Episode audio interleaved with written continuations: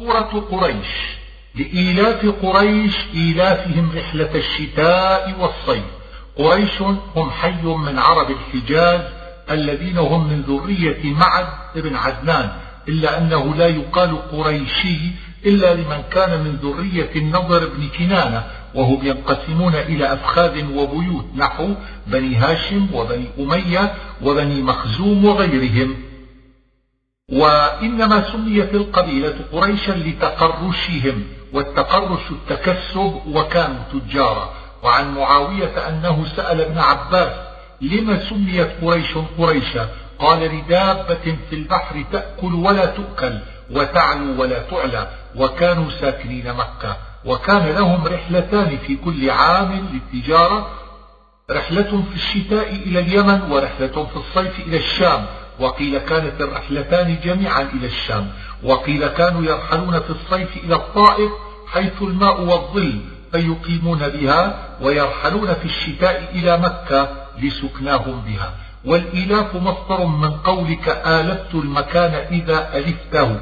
وقيل هو منقول منه بالهمزة. يقال ألف الرجل الشيء وألفه إياه غيره فالمعنى على القول الأول أن قريشا ألفوا رحلة الشتاء والصيف وعلى الثاني أن الله ألفه من رحلتين واختلف في تعلق قوله لإيلاف قريش على ثلاثة أقوال.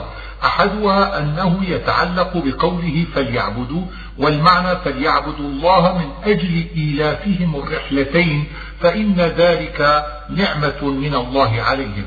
الثاني أنه يتعلق بمحذوف تقديره إعجبوا لإيلاف قريش.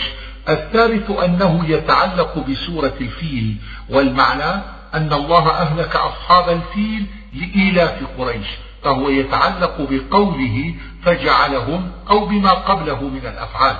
ويؤيد هذا أن السورتين في مصحف أبي بن كعب سورة واحدة لا فصل بينهما وقد قرأهما عمر في ركعة واحدة من المغرب وذكر الله الإيلاف أولا مطلقا ثم أبدل منه الإيلاف المقيد بالرحلتين تعظيما للأمر ونصب رحلة لأنه مفعول بإيلافهم وقال رحلة وأراد رحلتين فهو كقول الشاعر كلوا, كلوا في بعض بطنكم تعفوا. فليعبدوا رب هذا البيت هذا إقامة حجة عليهم بملاطفة واستدعاء لهم وتذكير بالنعم والبيت هو المسجد الحرام الذي أطعمهم من جوع. يحتمل أن يريد إطعامهم بسبب الرحلتين فقد روي أنهم كانوا قبل ذلك في شدة وضيق حال حتى أكلوا الجيف ويحتمل أن يريد إطعامهم على الإطلاق. فقد كان أهل مكة ساكنين بواد غير ذي زرع ولكن الله أطعمهم مما يجلب إليهم من البلاد بدعوة أبيهم إبراهيم عليه الصلاة والسلام وهو قوله وارزقهم من الثمرات. وآمنهم من خوف. يحتمل أن يريد آمنهم من خوف أصحاب الفيل ويحتمل أن يريد آمنهم في بلدهم بدعوة إبراهيم في قوله رب اجعل هذا بلدا آمنا وقد فسرناه في موضعه. أو يعني آمنهم في أسفارهم لأنهم كانوا في رحلتهم آمنين لا يتعرض لهم أحد بسوء. وكان غيرهم من الناس تؤخذ أموالهم وأنفسهم. وقيل آمنهم من الجذام فلا يرى بمكة مجدوم. قال الزمخشري التنكير في جوع وخوف لشدتهما. سورة الماعون أرأيت الذي يكذب بالدين؟ قيل إن هذا نزل في أبي جهل وأبي سفيان بن حرب وقيل هو مطلق والدين هنا الملة أو الجزاء. فذلك الذي يدع اليتيم أن يدفعه بعنف وهذا الدفع يحتمل أن يكون عن إطعامه والإحسان إليه أو عن ماله وحقوقه وهذا أشد. والذي لا يحض على طعام المسكين لا يطعمه من باب أولى. وهذه الجملة هي جواب أرأيت لأن معناها أخبرني فكأنه سؤال وجواب والمعنى انظر الذي كذب بالدين تجد فيه هذه الأخلاق القبيحة والأعمال السيئة. وإنما ذلك لأن الدين يحمل صاحبه على فعل الحسنات وترك السيئات فمقصود الكلام ذم الكفار وأحوالهم. فويل للمصلين الذين هم عن صلاتهم ساهون. قيل إن هذا نزل في عبد الله بن أبي بن سلول المنافق. والسورة على هذا نصفها مكي ونصفها مدني. قاله أبو زيد السهيلي.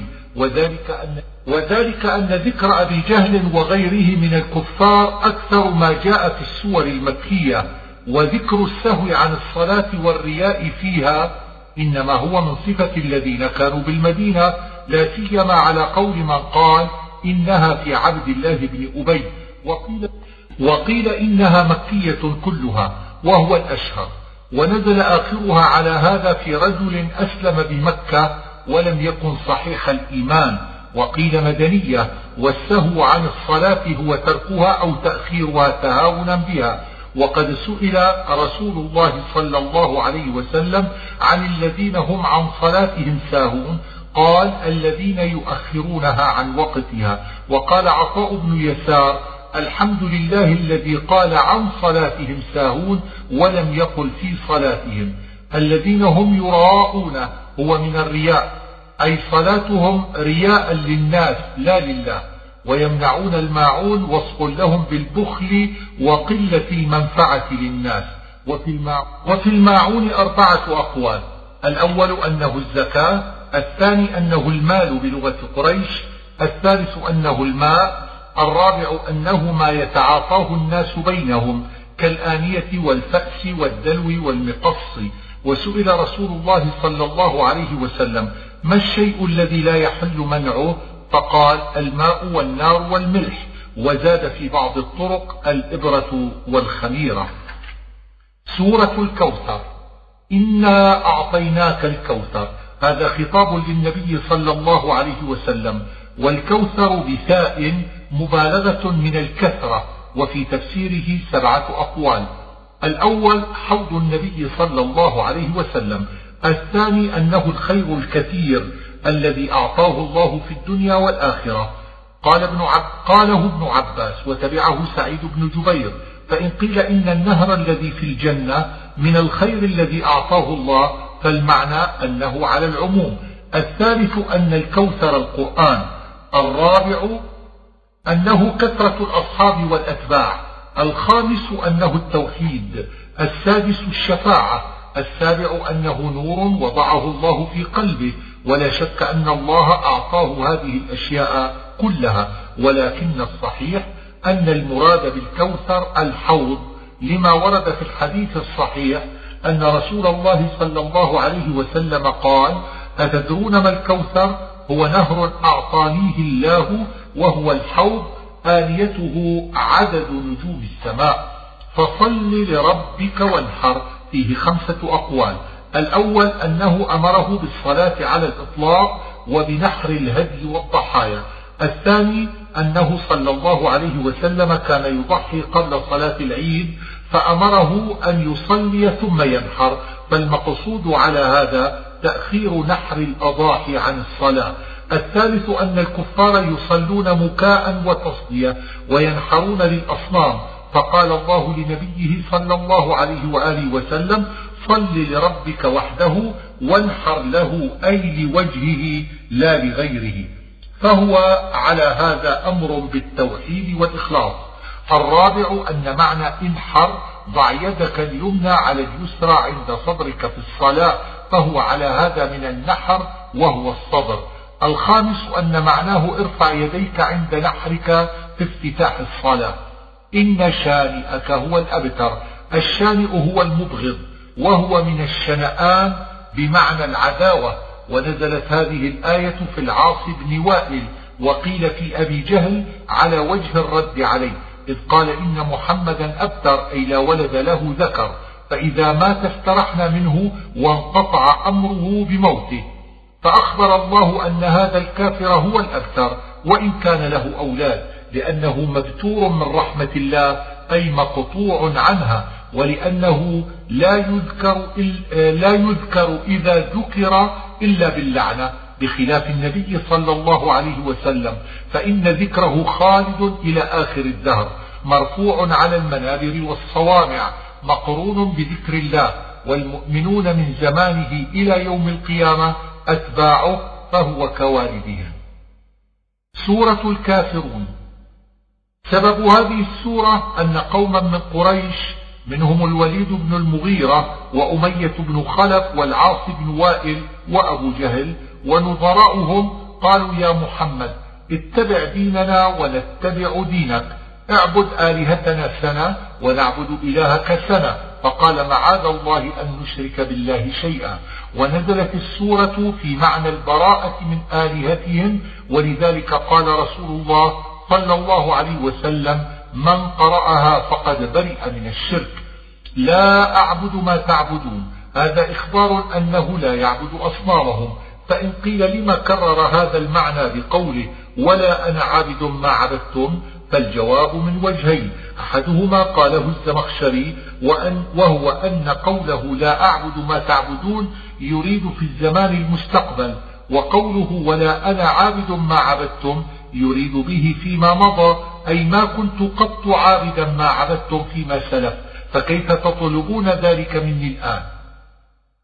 الثاني قاله ابن عطية وهو أن قوله لا أعبد ما تعبدون لما كان يحتمل أن يراد به زمان الحال خاصة قال ولا أنا عابد ما عبدتم أي أبدا ما عشت لأن لا النافية إذا دخلت على الفعل المضارع خلصته للاستقبال فقوله لا أعبد لا يحتمل أن يراد به الحال. ويحتمل عندي أن يكون قوله لا أعبد ما تعبدون يراد به في المستقبل على حسب ما تقتضيه لا من الاستقبال ويكون قوله ولا أنا عابد ما عبدتم يريد به الحال. فيحصل من المجموع نفي عبادته للأصنام في الحال والاستقبال. ومعنى الحال في قوله ولا أنا عابد ما عبدتم ثم أظهر من معنى المضي الذي قاله الزمخشري ومن معنى الاستقبال. فإن قولك ما زيد بقائم بنفي الجملة الاسمية يقتضي الحال. ولا أنتم عابدون ما أعبد. هذا إخبار أن هؤلاء الكفار لا يعبدون الله كما قيل لنوح إنه لن يؤمن من قومك إلا من قد آمن. إلا أن هذا في حق قوم مخصوصين ماتوا على الكفر. وقد روي أن هؤلاء الجماعة المذكورين هم أبو جهل والوليد بن المغيرة والعاص بن وائل والأسود بن المطلب وأمية بن خلف وأبي بن خلف وابن الحجاج وكلهم ماتوا كفارا. فإن قيل لما قال ما أعبد بما من دون من التي هي موضوعة لمن يعقل فالجواب من ثلاثة أوجه. أحدها أن ذلك لمناسبة قوله لا أعبد ما تعبدون فإن هذا واقع على الأصنام التي لا تعقل ثم جعل ما أعبد على طريقته لتناسب اللفظ. الثاني أنه أراد الصفة كأنه قال لا أعبد الباطل ولا تعبدون الحق قاله الزمخشري. الثالث أن ما مصدرية والتقدير لا أعبد عبادتكم ولا تعبدون عبادتي وهذا ضعيف. فإن قيل, لما كرر هذا المعنى واللفظ فقال بعد ذلك ولا أنتم عابدون ما أعبد مرة أخرى فالجواب من وجهين أحدهما قول الزمخشري وهو أن الأول في المستقبل والثاني فيما مضى والآخر قاله ابن عطية وهو أن الأول في الحال والثاني في الاستقبال فهو حتم عليهم ألا يؤمنوا أبدا لكم دينكم ولي دين أي لكم شرككم ولي توحيدي وهذه براءة منهم وفيها مسالمة منسوخة بالسيف. سورة النصر. سأل عمر بن الخطاب جماعة من الصحابة رضي الله عنهم عن معنى هذه السورة فقالوا فقالوا إن الله أمر رسول الله صلى الله عليه وسلم بالتسبيح والاستغفار عند النصر والفتح وذلك على ظاهر لفظها. فقال لابن عباس بمحضرهم يا عبد الله ما تقول أنت؟ قال هو أجل رسول الله صلى الله عليه وسلم أعلمه الله بقربه إذا رأى النصر والفتح. فقال عمر ما أعلم منها إلا ما علمت. وقد قال بهذا المعنى ابن مسعود وغيره ويؤيده قول عائشة إن رسول الله صلى الله عليه وسلم لما فتح مكة وأسلم العرب جعل يكثر أن يقول سبحانك اللهم وبحمدك اللهم إني أستغفرك يتأول القرآن أي هذه السورة. وقال لها مرة ما أراه إلا حضور أجلي. وقال ابن عمر نزلت هذه السورة بمنى أيام التشريق في حجة الوداع وعاش رسول الله صلى الله عليه وسلم بعدها ثمانين يوما أو نحوها. وقال ابن مسعود هذه السورة تسمى سورة التوديع. إذا جاء نصر الله والفتح يعني بالفتح فتح مكة والطائف وغيرهما من البلاد التي فتحها رسول الله صلى الله عليه وسلم. وقال ابن عباس إن النصر صلح الحديبية والفتح فتح مكة. وقيل النصر إسلام أهل اليمن والإخبار بذلك كله قبل وقوعه إخبار بغيب. فهو من أعلام النبوة. ورأيت الناس يدخلون في دين الله أفواجا أي جماعات وذلك أنه أسلم بعد فتح مكة بشر كثير. فقد روي أن رسول الله صلى الله عليه وسلم كان معه في فتح مكة عشرة آلاف وكان معه في غزوة تبوك سبعون ألفا. وقال أبو عمر بن عبد البر لم يمت رسول الله صلى الله عليه وسلم وفي العرب رجل كافر. وقد قيل إن عدد المسلمين عند موته مئة ألف وأربعة عشر ألفا. فسبح بحمد ربك واستغفر. قد ذكر التسبيح والاستغفار ومعنى بحمد ربك فيما تقدم. فإن قيل لما أمره الله بالتسبيح والحمد والاستغفار عند رؤية النصر والفتح وعند اقتراب أجله فالجواب أنه أمر بالتسبيح والحمد ليكون شكرا على النصر والفتح وظهور الإسلام وأمره بذلك وبالاستغفار عند اقتراب أجله ليكون ذلك زادا للآخرة وعدة للقاء الله. سورة المثل. سببها أنه لما نزل قوله تعالى وأنذر عشيرتك الأقربين صعد رسول الله صلى الله عليه وسلم على الصفا فنادى بأعلى صوته يا صاحباه فاجتمعت إليه قريش فقال لهم إني نذير لكم بين يدي عذاب شديد ثم أنذرهم عموما وخصوصا فقال له أبو لهب تبا لك ألهذا جمعتنا؟ فنزلت السورة. تبت يدا أبي لهب. معنى تبت خسرت والتباب هو الخسران. وأبو لهب هو عبد العزى ابن عبد المطلب بن هاشم وهو عم رسول الله صلى الله عليه وسلم وكان من أشد الناس عداوة له. فإن قيل لم ذكره الله بكنيته دون اسمه فالجواب من ثلاثة أوجه. أحدها أن كنيته كانت أغلب عليه من اسمه كأبي بكر وغيره ويقال إنه كني بأبي لهب لتلهب وجهه جمالا. الثاني أنه لما كان اسمه عبد العزى عدل عنه إلى الكنية. الثالث أنه لما كان من أهل النار واللهب كناه أبا لهب وليناسب ذلك قوله سيصلى نارا ذات لهب. ما أغنى عنه ماله وما كسب. يحتمل أن تكون ما نافية أو استفهامية يراد بها النفي. وماله هو رأس ماله وما كسب الربح. أو ماله ما ورث وما كسب هو ما اكتسبه لنفسه. وقيل ماله جميع ماله وما كسب. سيصلى نارا ذات لهب. هذا حتم عليه بدخول النار ومات بعد ذلك كافرا. وامرأته حمالة الحطب اسم امرأته أم جميل بنت حرب بن أمية وهي أخت أبي سفيان وعمة معاوية وفي وصفها بحمالة الحطب أربعة أقوال. أحدها أنها كانت تحمل حطبا وشوكا فتلقيه في طريق النبي صلى الله عليه وسلم لتؤذيه. الثاني أن ذلك عبارة عن مشيها بالنميمة يقال فلان يحمل الحطب بين الناس أي يوقد بينهم نار العداوة بالنمائم. الثالث أنه عبارة عن سعيها بالمضرة على المسلمين. يقال فلان يحطب على فلان إذا قصد الإضرار به. الرابع أنه عبارة عن ذنوبها وسوء أعمالها. في جيدها حبل من مثل الجيد العنق والمسد الليف. وقيل الحبل المفتول وفي المراد وفي المراد به ثلاثة أقوال. الأول أنه إخبار عن حملها الحطب في الدنيا على القول الأول وفي ذلك تحقير لها وإظهار لخساسة حالها.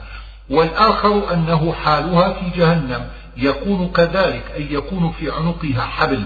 الثالث أنها كانت لها قلادة فاخرة فقالت لأنفقنها على عداوة محمد.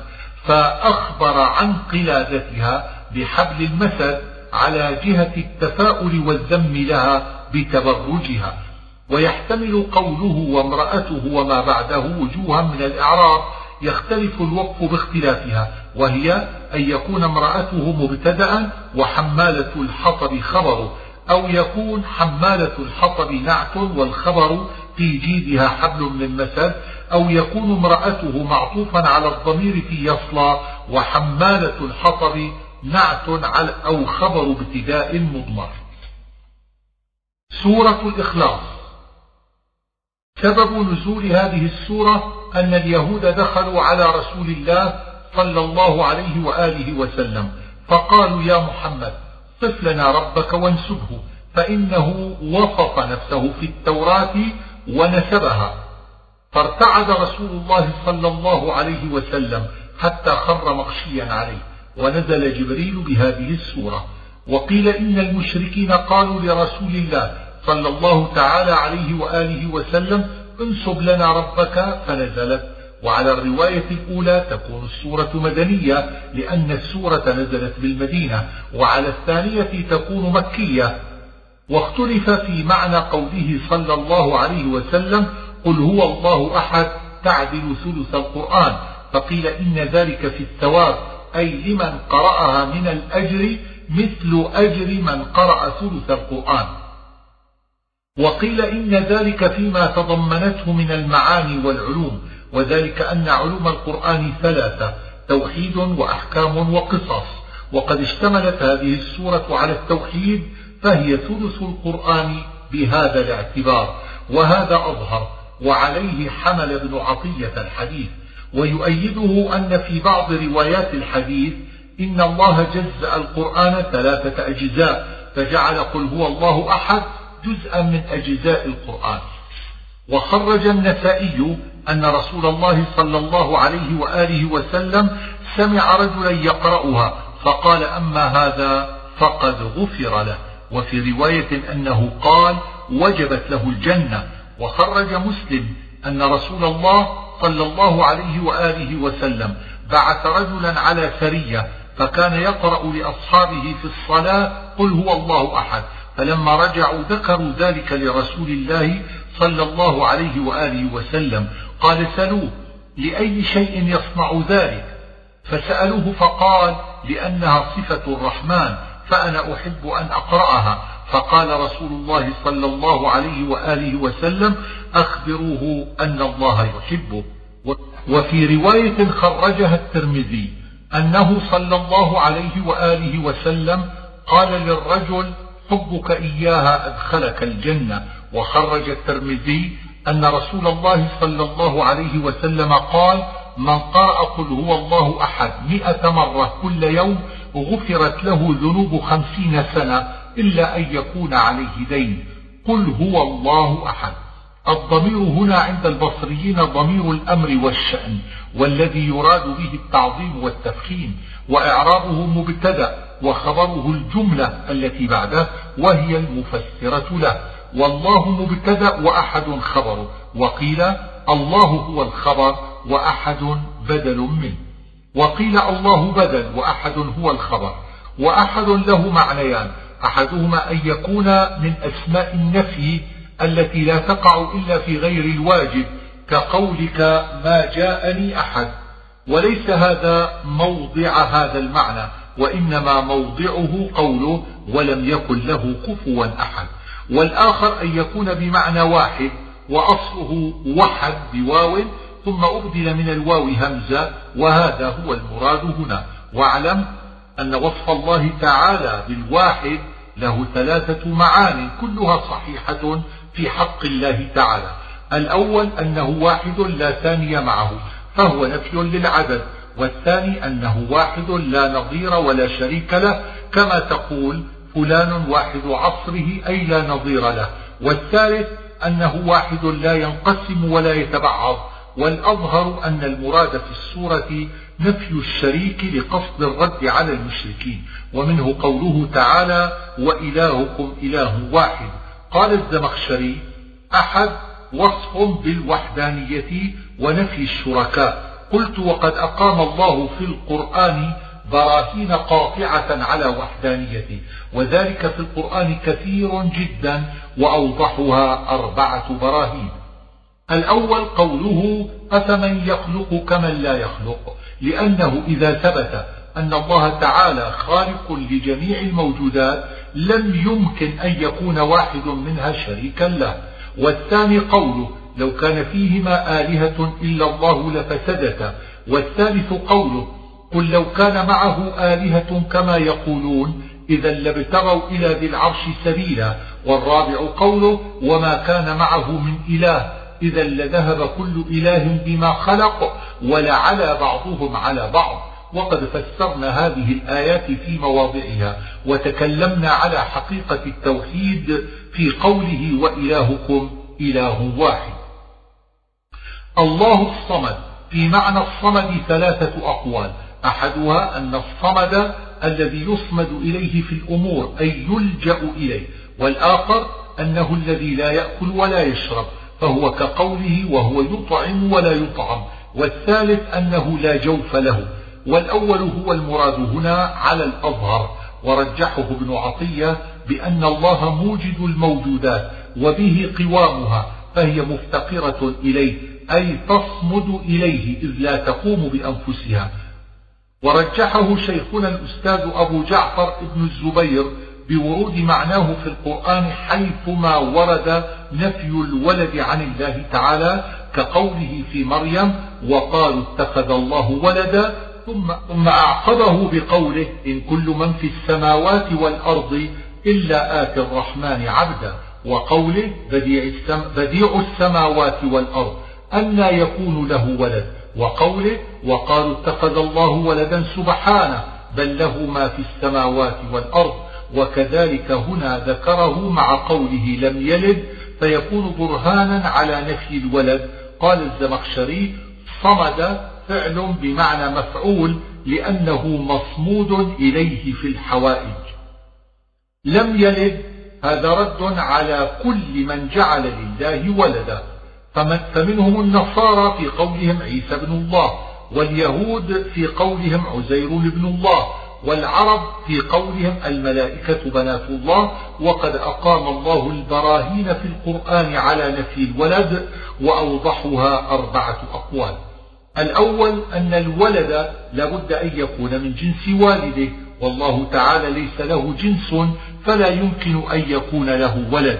وإليه الإشارة بقوله تعالى ما المسيح ابن مريم إلا رسول قد خلت من قبله الرسل وأمه صديقة كانا يأكلان الطعام فوصفهما بصفة الحدود لينفي عنهما صفة القدم فتبطل مقالة الكفار. الثاني أن الوالد إنما يتخذ ولدا للحاجة إليه والله لا يفتقر إلى شيء فلا يتخذ ولدا وإلى هنا أشار بقوله قالوا اتخذ الله ولدا سبحانه هو الغني. الثالث أن جميع الخلق عباد الله والعبودية تنافي البنوة. وإلى هذا أشار بقوله تعالى إن كل من في السماوات والأرض إلا آتى الرحمن عبدا. الرابع أنه لا يكون له ولد إلا لمن له زوجة. والله تعالى لم يتخذ زوجة فلا يكون له ولد. وإلى هذا الإشارة بقوله تعالى أن يكون له ولد ولم تكن له صاحبة. ولم يولد. هذا رد على الذين قالوا انسب لنا ربك وذلك أن كل مولود محدث والله تعالى هو الأول الذي لا افتتاح لوجوده القديم الذي كان ولم يكن معه شيء غيره فلا يمكن أن يكون مولودا. تعالى عن ذلك. ولم يكن له كفوا أحد الكفؤ هو النظير والمماثل. قال الزمخشري يجوز أن, يكون من الكفاءة في النكاح فيكون نفيا للصاحبة وهذا بعيد والأول هو الصحيح. ومعناه أن الله ليس له نظير ولا شبيه ولا مثيل. ويجوز في كفؤا ضم الفاء وإسكانها مع ضم الكاف وقد قرئ بالوجهين. ويجوز أيضا كسر الكاف وإسكان الفاء. ويجوز كسر الكاف وفتح الفاء والمدة. ويجوز فيه الهمزة والتسهيل وانتصب كفوا على أنه خبر كان وأحد اسمها. قال قال ابن عطية ويجوز أن يكون كفوا حالا لكونه كان صفة للنكرة فقدم عليها. فإن قيل لما قدم المجرور وهو له على اسم كان وخبرها وشأن الظرف إذا وقع غير خبر أن يؤخر فالجواب من وجهين. أحدهما سورة الإخلاص. سبب نزول هذه السورة أن اليهود دخلوا على رسول الله صلى الله عليه وآله وسلم فقالوا يا محمد صف لنا ربك وانسبه فإنه وصف نفسه في التوراة ونسبها. فارتعد رسول الله صلى الله عليه وسلم حتى خر مغشيا عليه ونزل جبريل بهذه السورة. وقيل إن المشركين قالوا لرسول الله صلى الله تعالى عليه وآله وسلم انسب لنا ربك فنزلت. وعلى الرواية الأولى تكون السورة مدنية لأن السورة نزلت بالمدينة وعلى الثانية تكون مكية. واختلف في معنى قوله صلى الله عليه وسلم قل هو الله أحد تعدل ثلث القرآن فقيل إن ذلك في الثواب أي لمن قرأها من الأجر مثل أجر من قرأ ثلث القرآن. وقيل إن ذلك فيما تضمنته من المعاني والعلوم وذلك أن علوم القرآن ثلاثة توحيد وأحكام وقصص. وقد اشتملت هذه السورة على التوحيد فهي ثلث القرآن بهذا الاعتبار. وهذا أظهر وعليه حمل ابن عطية الحديث. ويؤيده أن في بعض روايات الحديث إن الله جزأ القرآن ثلاثة أجزاء فجعل قل هو الله أحد جزءا من أجزاء القرآن. وخرج النسائي أن رسول الله صلى الله عليه وآله وسلم سمع رجلا يقرأها فقال أما هذا فقد غفر له. وفي رواية أنه قال وجبت له الجنة. وخرج مسلم أن رسول الله صلى الله عليه وآله وسلم بعث رجلا على سرية فكان يقرأ لأصحابه في الصلاة قل هو الله أحد. فلما رجعوا ذكروا ذلك لرسول الله صلى الله عليه وآله وسلم. قال سلوه لأي شيء يصنع ذلك؟ فسألوه فقال لأنها صفة الرحمن فأنا أحب أن أقرأها. فقال رسول الله صلى الله عليه وآله وسلم أخبروه أن الله يحبه. وفي رواية خرجها الترمذي. أنه صلى الله عليه وآله وسلم قال للرجل حبك إياها أدخلك الجنة. وخرج الترمذي أن رسول الله صلى الله عليه وسلم قال من قرأ قل هو الله أحد مئة مرة كل يوم غفرت له ذنوب خمسين سنة إلا أن يكون عليه دين. قل هو الله أحد. الضمير هنا عند البصريين ضمير الأمر والشأن والذي يراد به التعظيم والتفخيم وإعرابه مبتدأ وخبره الجملة التي بعده وهي المفسرة له. والله مبتدأ وأحد خبره وقيل الله هو الخبر وأحد بدل منه. وقيل الله بدل وأحد هو الخبر وأحد له معنيان أحدهما أن يكون من أسماء النفي التي لا تقع إلا في غير الواجب كقولك ما جاءني أحد. وليس هذا موضع هذا المعنى وإنما موضعه قوله ولم يكن له كفوا أحد. والآخر أن يكون بمعنى واحد وأصله وحد بواو ثم أبدل من الواو همزة وهذا هو المراد هنا. واعلم أن وصف الله تعالى بالواحد له ثلاثة معان كلها صحيحة في حق الله تعالى. الأول أنه واحد لا ثاني معه فهو نفي للعدد والثاني أنه واحد لا نظير ولا شريك له كما تقول فلان واحد عصره أي لا نظير له.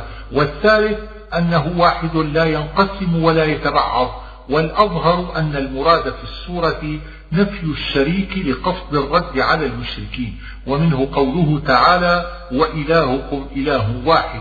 قال الزمخشري أحد وصف بالوحدانية ونفي الشركاء. قلت وقد أقام الله في القرآن براهين قاطعة على وحدانيته. وذلك في القرآن كثير جدا وأوضحها أربعة براهين. الأول قوله أفمن يخلق كمن لا يخلق؟ لأنه إذا ثبت أن الله تعالى خالق لجميع الموجودات لم يمكن أن يكون واحد منها شريكا له. والثاني قوله لو كان فيهما آلهة إلا الله لفسدتا. والثالث قوله قل لو كان معه آلهة كما يقولون إذا لابتغوا إلى ذي العرش سبيلا. والرابع قوله وما كان معه من إله إذا لذهب كل إله بما خلق ولعلى بعضهم على بعض. وقد فسرنا هذه الآيات في مواضعها وتكلمنا على حقيقة التوحيد في قوله وإلهكم إله واحد. الله الصمد في معنى الصمد ثلاثة أقوال. أحدها أن الصمد الذي يصمد إليه في الأمور أي يلجأ إليه. والآخر أنه الذي لا يأكل ولا يشرب. فهو كقوله وهو يطعم ولا يطعم والثالث أنه لا جوف له والأول هو المراد هنا على الأظهر ورجحه ابن عطية بأن الله موجد الموجودات وبه قوامها فهي مفتقرة إليه أي تصمد إليه إذ لا تقوم بأنفسها. ورجحه شيخنا الأستاذ أبو جعفر ابن الزبير بورود معناه في القرآن حيثما ورد نفي الولد عن الله تعالى كقوله في مريم وقالوا اتخذ الله ولدا ثم, ثم أعقبه بقوله إن كل من في السماوات والأرض إلا آتي الرحمن عبدا وقوله بديع, بديع السماوات والأرض أنى يكون له ولد وقوله وقالوا اتخذ الله ولدا سبحانه بل له ما في السماوات والأرض وكذلك هنا ذكره مع قوله لم يلد فيكون برهانا على نفي الولد. قال الزمخشري صمد فعل بمعنى مفعول لأنه مصمود إليه في الحوائج.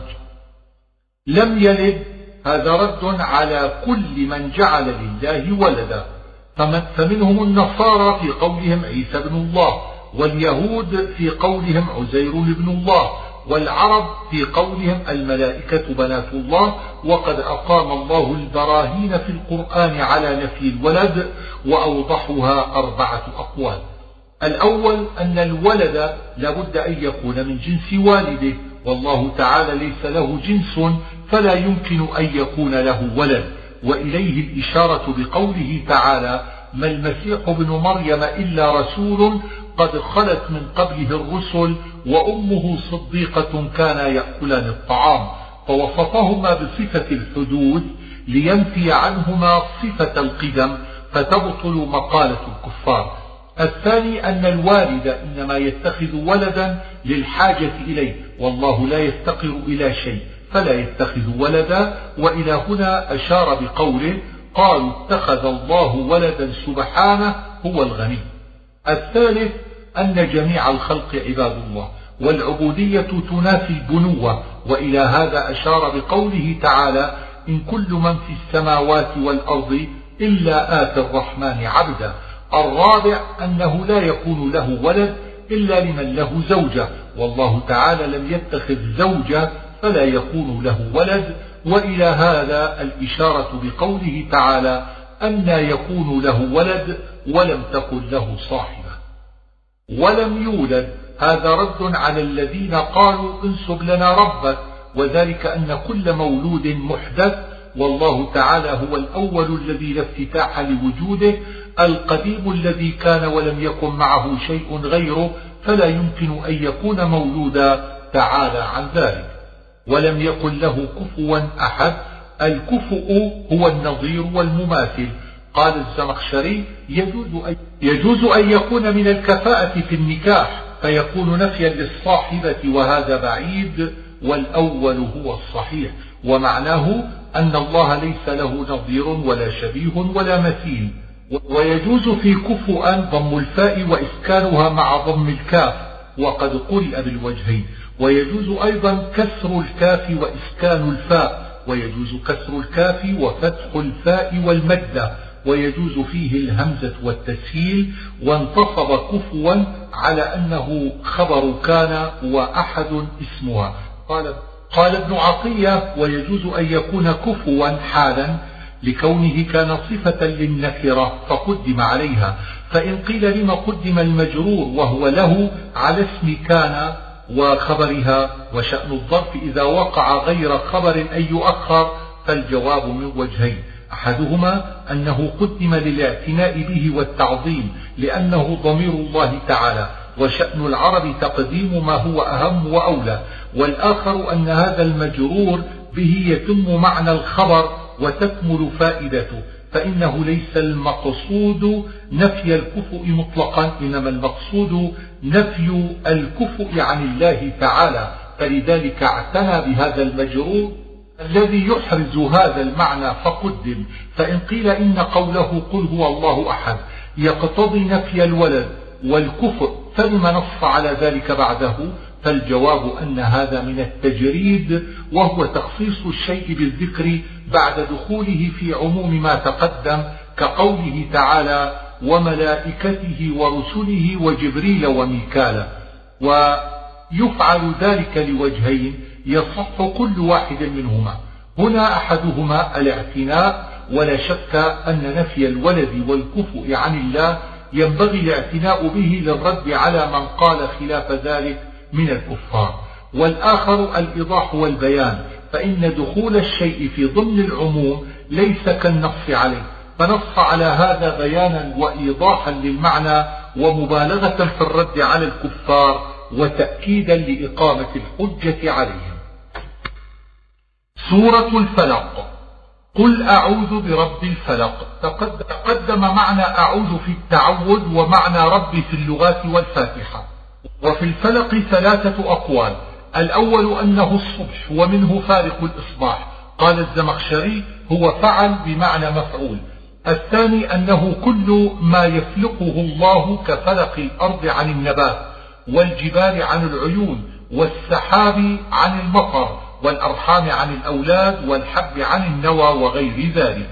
الثالث أنه جب في جهنم وقد روي هذا عن رسول الله صلى الله عليه وآله وسلم. من شر ما خلق. هذا عموم في جميع المخلوقات وشرهم على أنواع كثيرة أعاذنا الله منها. وما هنا موصولة أو موصوفة أو مصدرية.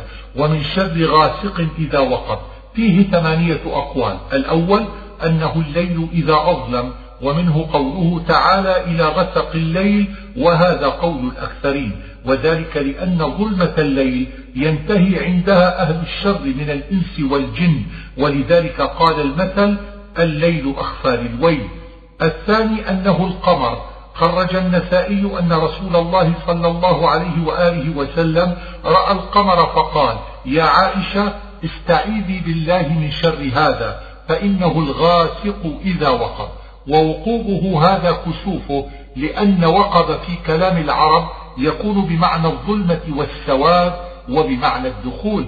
فالمعنى إذا دخل في الكسوف أو إذا أظلم به. الثالث أنه الشمس إذا غابت والوقوب على هذا المعنى الظلمة أو الدخول. الرابع أن الغاسق النهار إذا دخل في الليل وهذا قريب من الذي قبله. الخامس أن الغاسق سقوط الثريا وكانت الأسقام والطاعون تهيج عنده. وروي أن رسول الله صلى الله تعالى عليه وآله وسلم قال النجم هو الغاسق فيحتمل أن يريد الثريا السادس أنه الذكر إذا قام. حكى النقاش هذا القول عن ابن عباس. السابع قال الزمخشري يجوز أن يراد بالغاسق الأسود من الحيات ووقبه ضربه. الثامن أنه إبليس حكى ذلك السهيلي. ومن شر النفاثات في العقد النفث شبه النفخ دون تفل وريق قاله ابن عطية.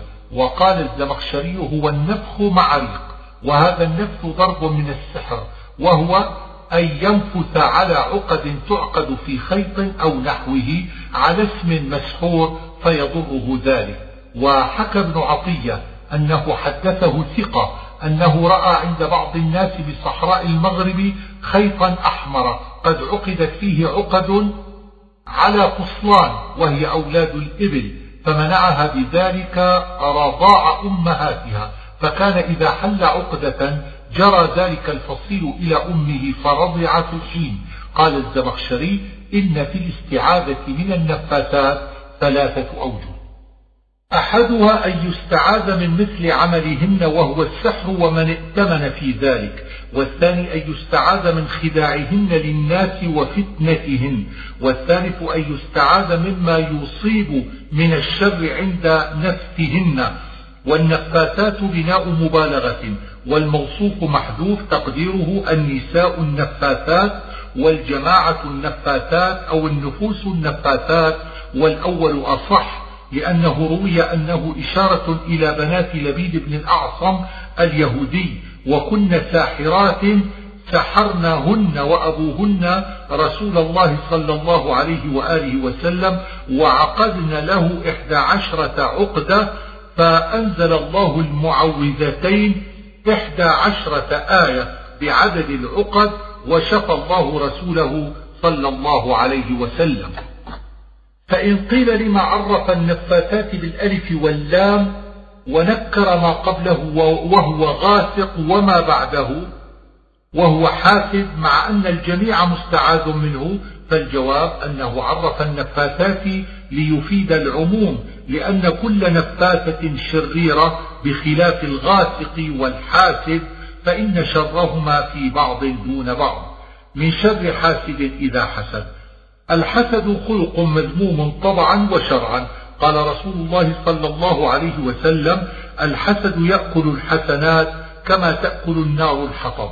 وقال بعض العلماء الحسد أول معصية عصي الله بها في السماء والأرض. أما في السماء فحسد إبليس فحسد إبليس لآدم وأما في الأرض فقتل قابيل لأخيه هابيل بسبب الحسد. ثم إن الحسد على درجات. الأولى أن يحب الإنسان زوال النعمة عن أخيه المسلم وإن كانت لا تنتقل إليه. بل يكره إنعام الله على غيره ويتألم به. الثانية أنه يحب زوال تلك النعمة لرغبته فيها رجاء انتقالها إليه. الثالثة أن يتمنى لنفسه مثل تلك النعمة من غير أن يحب زوالها عن غيره وهذا جائز وليس بحسد وإنما هو غبطة. والحاسد يضر نفسه ثلاث مضرات. أحدها اكتساب الذنوب لأن الحسد حرام. الثانية سوء الأدب مع الله تعالى فإن حقيقة الحسد كراهية إنعام الله على عبده واعتراض على الله في فعله.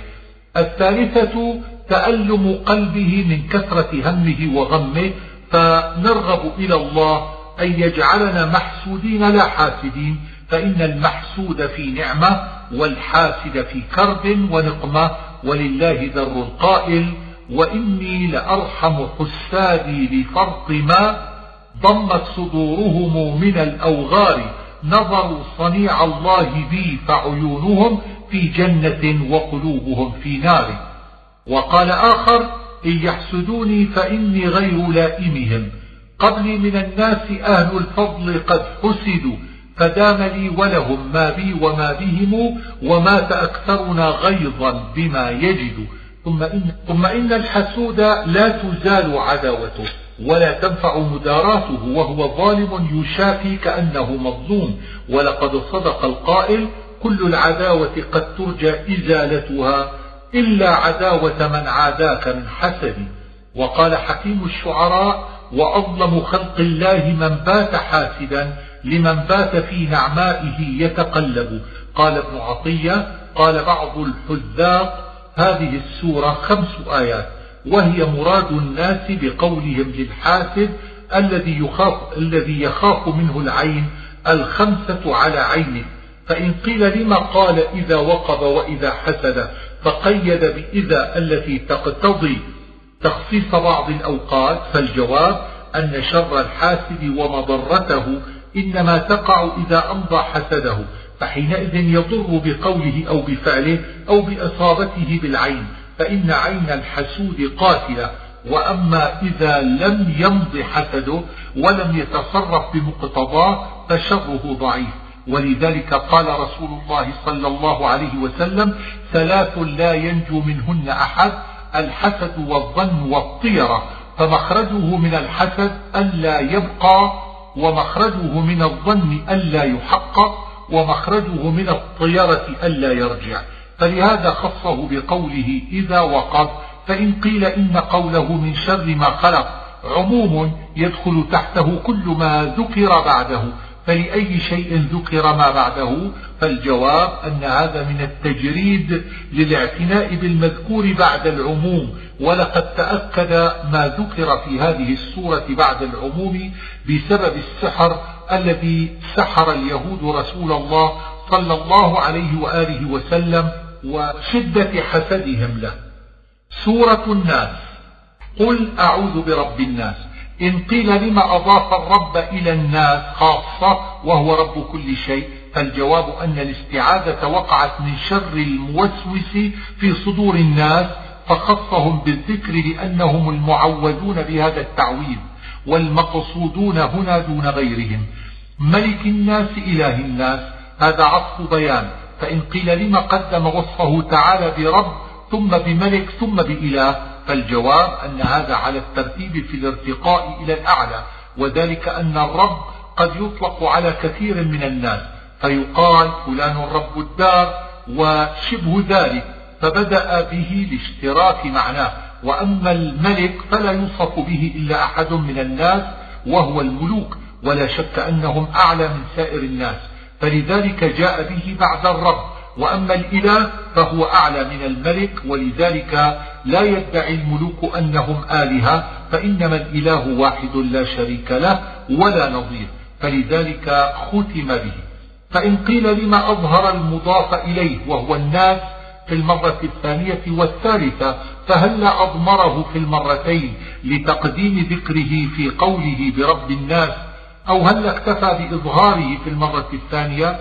فالجواب أنه لما كان عطف بيان حسن فيه البيان وهو الإظهار دون الإضمار. وقصد أيضا الاعتناء بالمكرر بالمكرر ذكره كقول الشاعر لا أرى الموت يسبق الموت شيء نغص الموت ذا الغنى والفقير.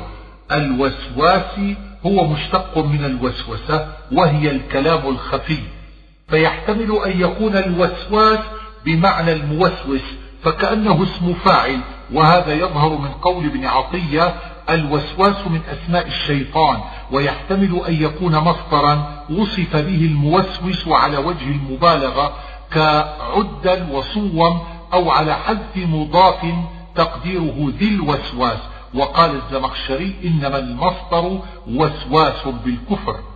الخناس معناه الراجع على عقبه المستمر أحيانا وذلك متمكن في الشيطان فإنه يوسوس. فإذا ذكر العبد الله وتعوذ به تباعد عنه ثم رجع إليه عند الغفلة عن الذكر وهو يخنس في تباعده ثم رجوعه بعد ذلك. الذي يوسوس في صدور الناس وسوسة الشيطان في صدر الإنسان بأنواع كثيرة منها إفساد الإيمان والتشكيك في العقائد فإن لم يقدر على ذلك أمره بالمعاصي فإن لم يقدر على ذلك ثبطه عن الطاعات فإن لم يقدر على ذلك أدخل عليه الرياء في الطاعات ليحبطها فإن سلم من ذلك أدخل عليه العجب بنفسه واستكثار عمله ومن ذلك أنه يوقد في القلب نار الحسد والحقد والغضب حتى يقود الإنسان إلى شر الأعمال وأقبح الأحوال وعلاج وسوسته بثلاثة أشياء. واحدها الإكثار من ذكر الله وثانيها الإكثار من الاستعاذة بالله منه ومن, ومن أنفع شيء في ذلك قراءة هذه السورة. وثالثها مخالفته والعزم على عصيانه فإن قيل لما قال في صدور الناس ولم يقل في قلوب الناس فالجواب أن ذلك إشارة إلى عدم تمكن الوسوسة وأنها غير حالة في القلب بل هي محومة في الصدر حول القلب. من الجنة والناس. هذا بيان لجنس الوسواس وأنه يكون من الجن ومن الناس ثم إن الموسوس من الإنس يحتمل أن يريد من يوسوس بخداعه وأقواله الخبيثة فإنه شيطان كما قال تعالى شياطين الإنس والجن. أو يريد به نفس الإنسان إذ تأمره بالسوء فإنها أمارة بالسوء والأول أظهر. وقيل من الناس معطوف على الوسواس كأنه قال أعوذ من شر الوسواس من الجنة ومن شر الناس وليس الناس على هذا ممن يوسوس.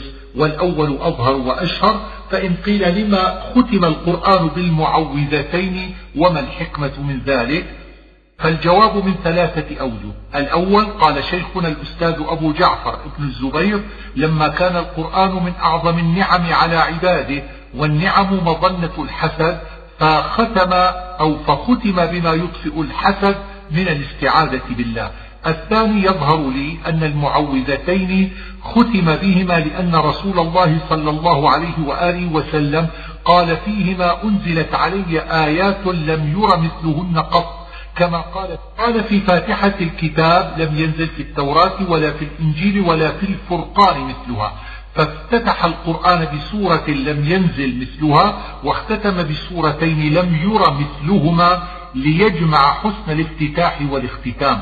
ألا ترى أن الخطب والرسائل والقصائد وغير ذلك من أنواع الكلام إنما ينظر فيها إلى حسن افتتاحها واختتامها؟